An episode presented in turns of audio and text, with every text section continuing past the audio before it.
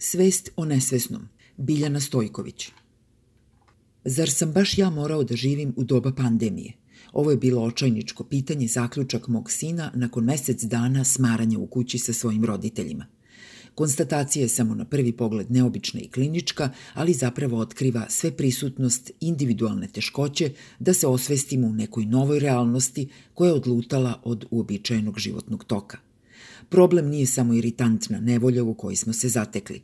Mislim da svako od nas ima podsvesni doživljaj da se istorija dešava mimo naših života, da je to nekakva paralelna priča o kojoj smo učili ili će o njoj učiti neke buduće generacije, ali da se intimnost naše svakodnevice ne uklapa u te tokove.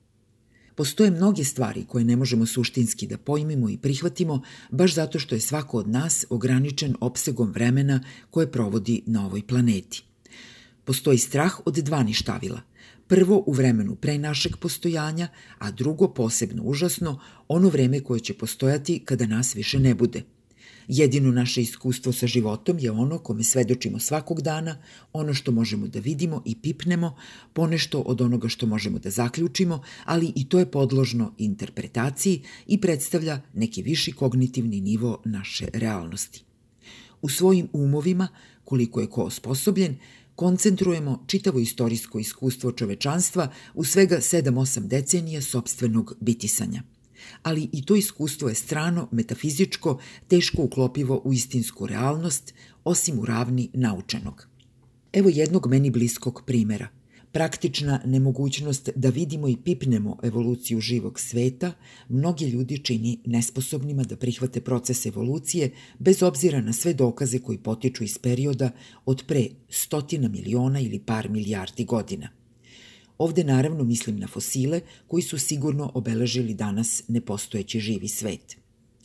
Iako možemo naučiti sve o fosilima i videti ih po muzejima, intimno je malo ko spreman da ih posmatra drugačije od običnih prizora, izmišljenih ili stvarnih, svejedno, koji zapravo nikakve veze sa stvarnim životom nemaju.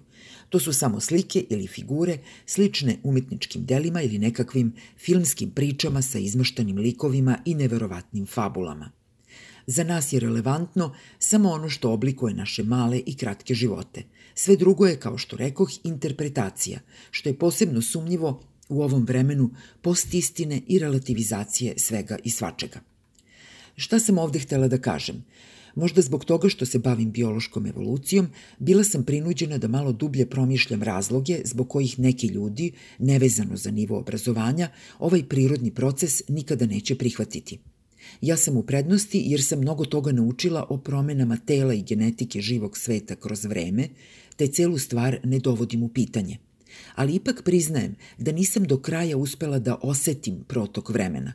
3-4 milijarde godina postojanja života na Zemlji ponekad izgleda manje od par hiljada godina ljudske civilizacije i količine zapisanih događaja o vladarima, ratovima, monumentalnim građevinama, istorijskim likovima – ili kad razmišljam o svom detinstvu, to intimno doživljavam davno prošlim vremenom, skoro kao vreme kada su zemljom hodali dinosaurusi.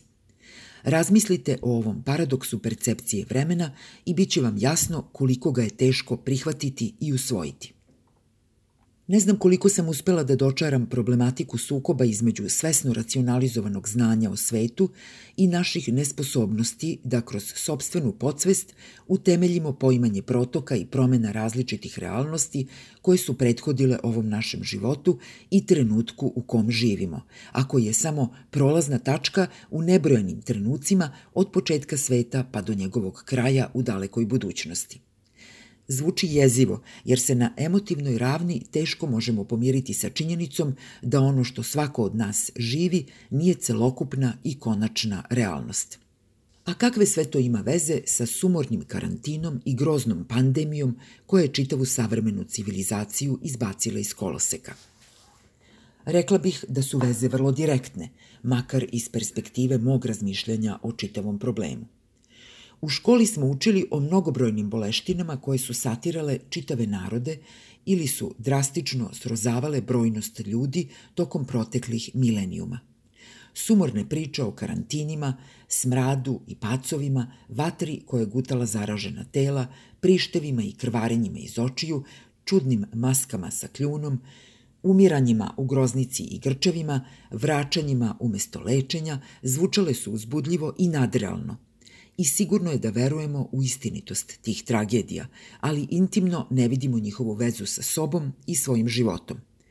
Konačno, tolika kinematografija je ovu opčinjenost epidemijama dodatno utisnula u domen mračne mašte ili izmišljenog futurizma – Iskreni problem mog sina je suočavanje sa sudarom svesti i nesvesti, to jeste brkanjem lončića stvarnosti i mašte.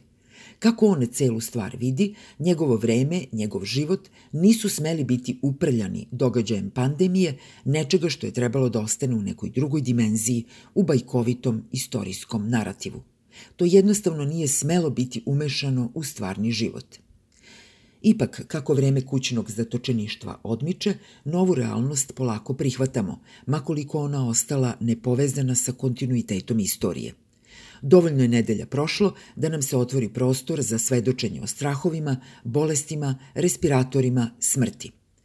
Nova stvarnost sa sobom nosi očekivane psihološke promene, od sve veće nervoze do povlačenja u svoje malene svetove – Ja, na primer, imam manje učestale napade, nezaustavljive želje da izletim napolje i vrištim od muke zbog gušenja u četiri zida.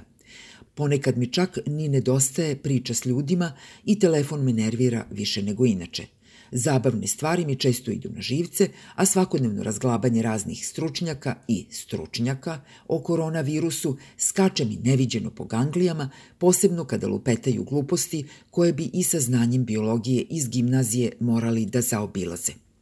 Sasvim je jasno da sam upala u psihološki bunar, premda malo sumnje imam da sam po tome jedinstvena, to jeste da je depresija zadobila pandemijske razmere ili bar epidemijske na prostoru ove jadne Srbije.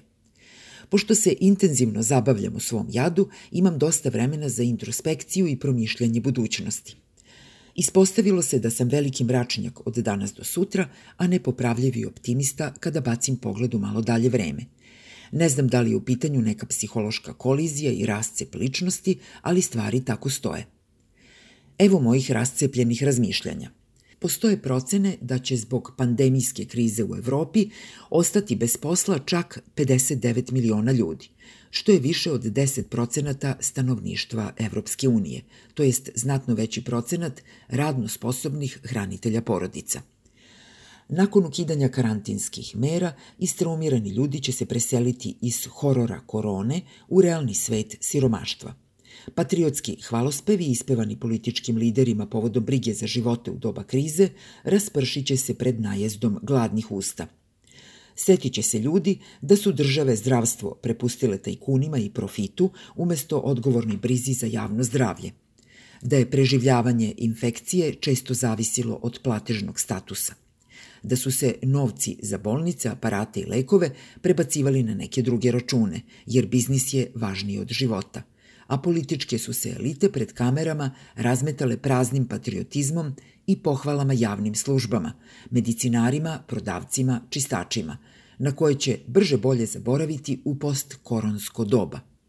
Poverenje u institucije države propadaće brzinom inkubacije virusa, zbog čega će velike političke krize stupiti na svetsku scenu.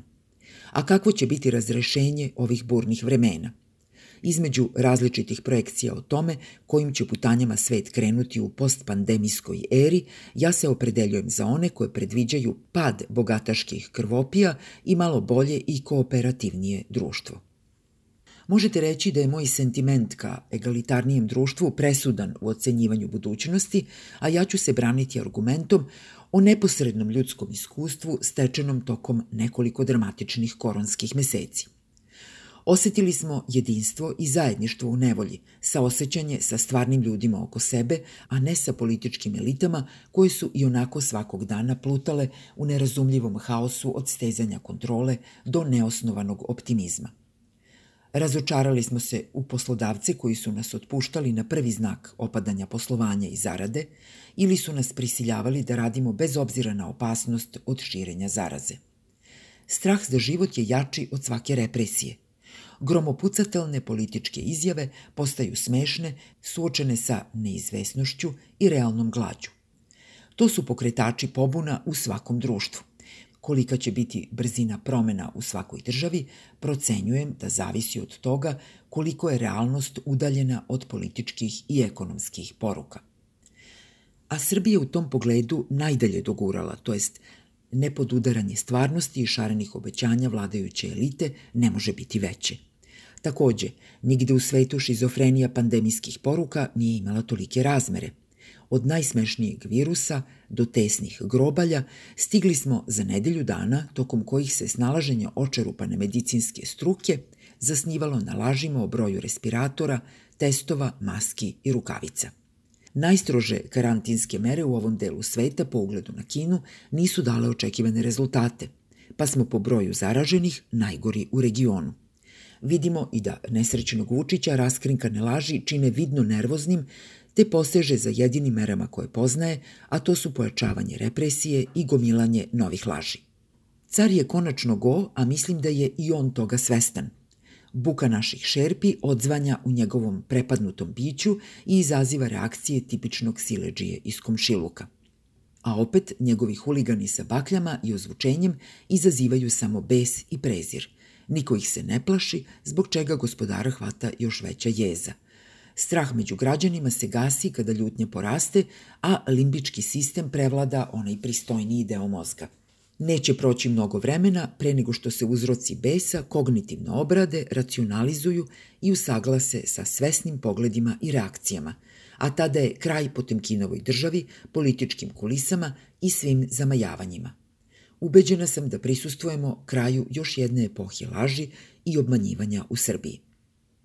Pred nama su teški dani siromaštva i opasnih previranja, ali malo dalje nazirem svetlo razrešenje.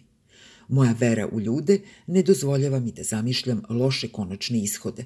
U svakom slučaju, hteli ne hteli, istorija je ušla u naše živote i prihvatimo je kao realnost.